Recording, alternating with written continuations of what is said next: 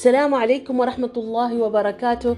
متابعيني متابعي بودكاست خواطر امرأة معي أنا أحلام اللمكي ما زلت مستمرة بفضل من الله في تسجيل حلقات البودكاست وموضوع جديد حابة أطرحه معاكم وأتمنى أن ينال استحسانكم ولا تبخلون علي بملاحظاتكم ومرئياتكم ومقترحاتكم من أجل تطوير هذا البودكاست.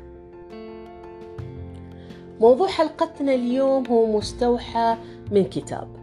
يعني أتعجب أحيانا يعني كيف يوفق الكاتب في اختيار عناوين تكون ملفتة لإصداراتهم. يعني تلقى كذا عنوان في الم... على الرف في إحدى المكتبات تقول شو هذا العنوان؟ ويخلق نوع من الفضول لديك كقارئ تبى تعرف تفاصيل هذا الكتاب. ومن بين هذه الكتب هو عنوان كتاب فن اللامبالاة وهو كتاب من تأليف مارك مانسون. شدني العنوان للتعمق فيما يريد الكاتب أن يوصله لنا لأن فن المبالاة يعني اللامبالاة هو سلوك يعني يمثل حالة من عدم الاهتمام أو عدم الاكتراث تجاه أمور معينة أو مشاعر الآخرين أو دون مراعاة هذه الأشياء أو توجيه اهتمام كبير لمجريات الحياة من حولنا. فكنت أتساءل لماذا اختار الكاتب هذا العنوان؟ وهل يريد أن يحثنا أن نصبح أشخاص غير مبالين في حياتنا؟ لأن مثل ما تعرفون ويمكن تتفقون معي أن اللامبالاة يمكن يكون له العديد من السلبيات على حياة الفرد وعلى علاقاته وحياته بشكل عام. اللامبالاة قد تؤدي إلى ضعف العلاقات الاجتماعية يعني لما يظهر معاك شخص قريب منك مثلا من الأسرة المباشرة أو زميل في العمل أو صديق وتحس إنه هو ما مهتم بمشاعرك ولا بمشاعر الآخرين أكيد هذا راح يأثر على علاقتك معه والعلاقات الاجتماعية عموما. فبالتالي اللامبالاة في العلاقات وفي التواصل وفي إظهار الاهتمام للآخرين قد يؤدي إلى مشاكل في التواصل والتفاعل الإيجابي مع الآخرين وقد يخلق نوع من العزلة الاجتماعية.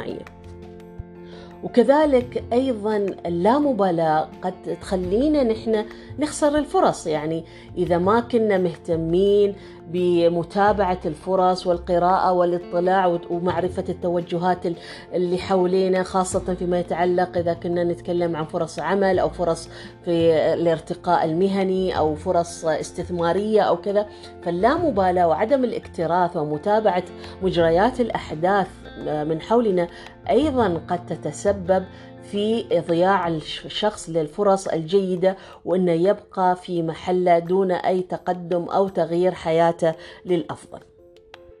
فالخلاصة إن اليوم اللامبالاة يعني قد تأثر ولها أشكال مختلفة. اليوم لما نشوف مظاهر وسلوكيات مجتمعية الواحد يقول ليش أنا أبادر وأسوي هذا الشيء؟ هذا مش من اختصاصي.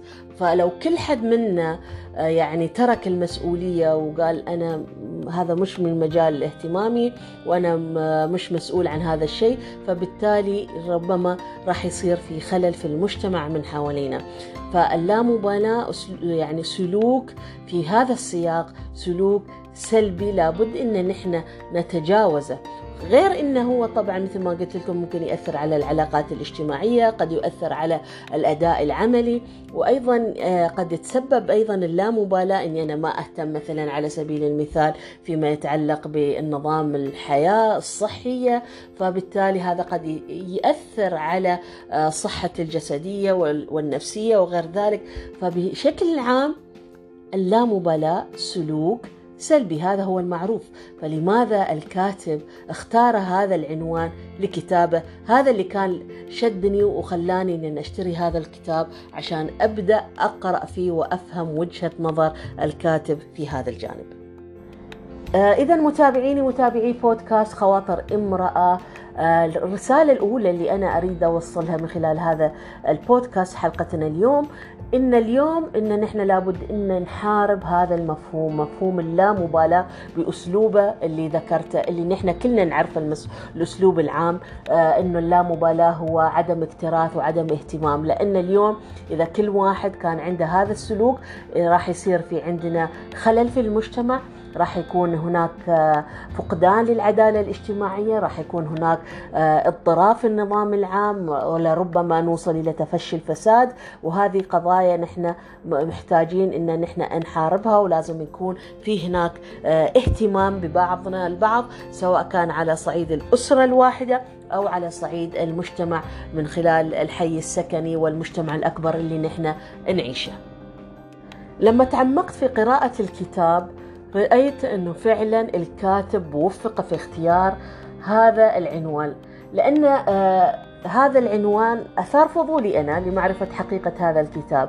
لكن لما تعمقت في قراءته لقيت أن الكاتب يقدم صورة مغايرة لمفهوم اللامبالاة من خلال إسقاط هذا المفهوم على رحلة البحث عن السلام الداخلي والسعادة. فالعنوان الكامل للكتاب هم حاطين بالبنط العريض فن اللامبالاة ولكن هو العنوان الكامل هو فن اللامبالاة كيف تعيش حياة جيدة. وهذا الكتاب نشر عام 2016 وسرعان ما أصبح هذا الكتاب من أكثر الكتب مبيعا في مجال التنمية الشخصية والتحفيز. هذا الكتاب يقدم فيه الكاتب وجهة نظر مختلفة عن النجاح والسعادة. ويقترح. وهذا الموضوع اللي نحن أنا من المواضيع اللي دائما أهتم فيها البحث عن السعادة والسلام الداخلي.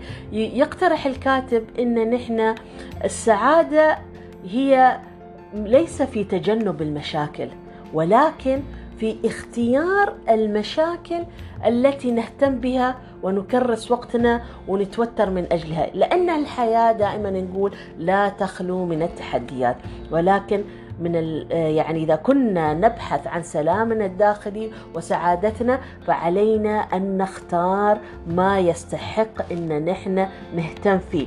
في حياتنا مواقف كثيرة آه، أناس آه، كثر ممكن يمرون علينا مضايقات كثيرة آه، تحديات كثيرة لكن لابد أن نحن نتعلم تطبيق فن المبالاة في تطنيش بعض التوافه الأمور في حياتنا اليومية، هذه هي الرسالة اللي كان الكاتب يحاول يقدمها في هذا الكتاب.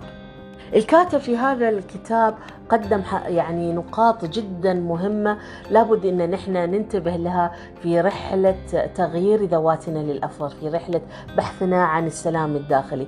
يقول إن التحديات مثل ما قلت لكم هي موجودة ولا بد أن نحن نكون مستعدين لمواجهتها وقد تكون يعني أمور صعبة ومؤلمة ولكن لابد أن نحن إذا بنقلق ونتوتر فخلونا نختار ما يستحق القلق وعدم إضاعة الوقت والطاقة في الأمور التافهة. وهذه رسالة جدا مهمة لأن نحن أحيانا نتوتر وندخل في حالة من القلق المستمر وتأثر على علاقاتنا الشخصية وصحتنا النفسية بسبب أمور تافهة. يقول أيضا الكاتب أنه نحن يعني اللامبالاة هنا مش معناته عدم الاهتمام والاكتراث بالآخرين ولكن تعني التركيز على الأمور المهمة وتجاهل الأمور الصغيرة الغير مهمة.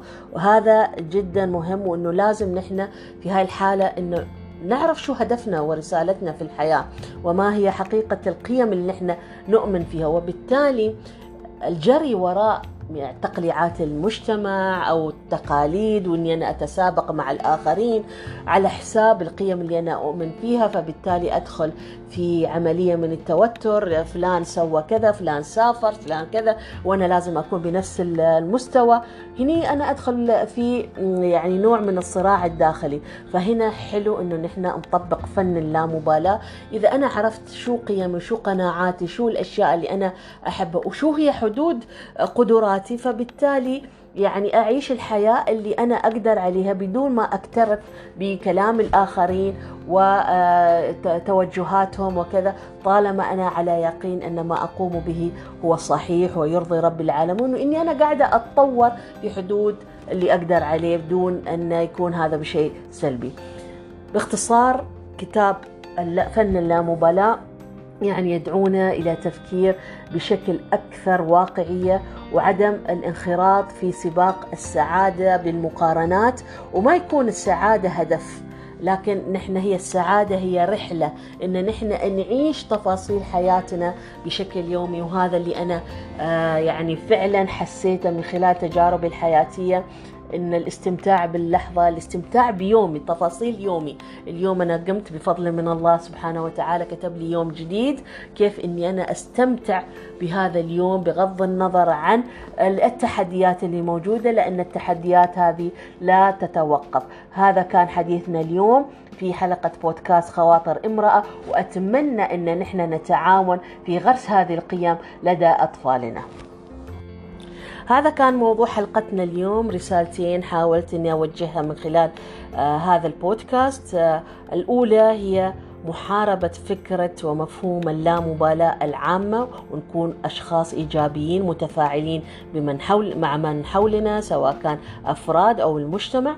والشيء الآخر تطبيق مفهوم اللامبالاة في رحلة بحثنا عن السلام الداخلي والسعادة. أتمنى أن يكون الموضوع نال استحسانكم وأترككم بحفظ الله. إلى أن ألتقيكم في حلقة قادمة من بودكاست خواطر امرأة.